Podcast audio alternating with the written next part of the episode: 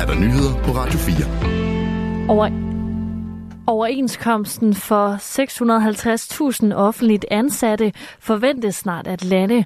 Sådan siger Michael Sigler, der er formand for løn- og personaleudvalget i kommunernes landsforening, inden slutspurten i forhandlingerne indledes her til formiddag.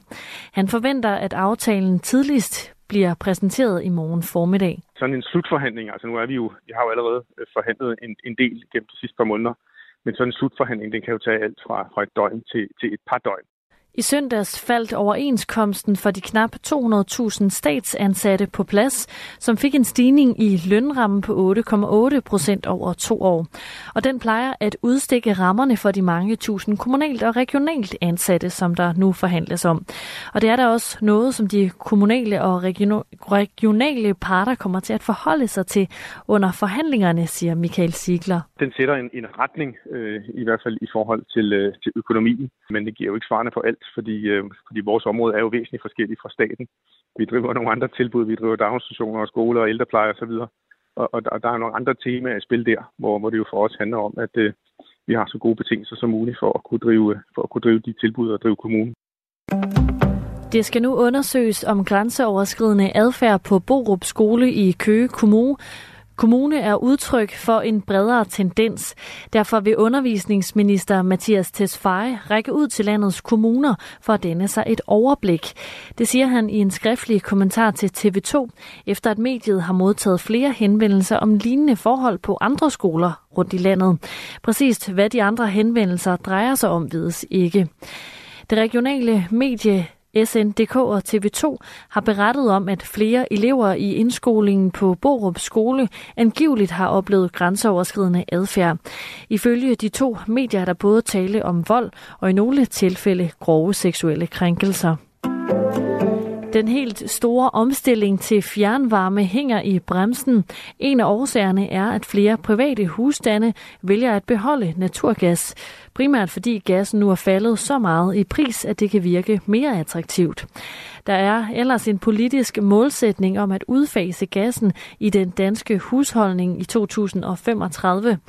Direktør i Dansk Fjernvarme Kim Mortensen kritiserer derfor regeringen for ikke at tage nok ansvar for omstillingen til fjernvarme.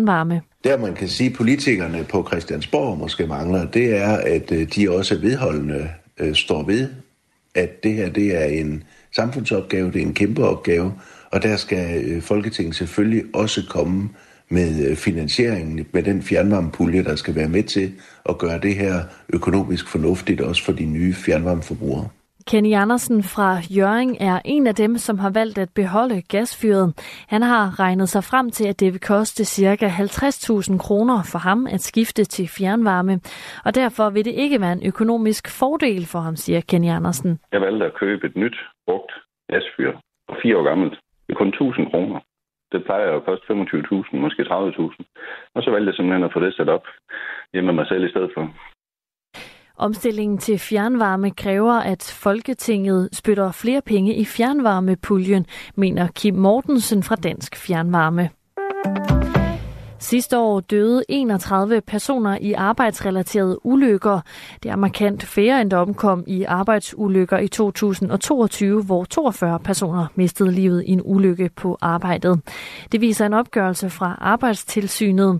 Antallet for sidste år kan dog stige til 32, da der er en dødsulykke, hvor det stadig vurderes, om ulykken var arbejdsrelateret. Beskæftigelsesminister Ane Halsbo Jørgensen og forligskredsen bag arbejdsmiljøaftalen har nedsat en ekspertgruppe, der i de kommende år skal arbejde med at forebygge alvorlige arbejdsulykker. Forskere har fundet en formodet mur fra stenalderen på havbunden i et område mellem Tyskland og Danmark, skriver videnskab.dk. Mere præcist har forskerne fundet 970 meter lang gruppering af sten, som formodes at være en menneskeskabt mur, som i dag ligger 21 meter under vand. Grupperingen har fået navnet Blinkermuren.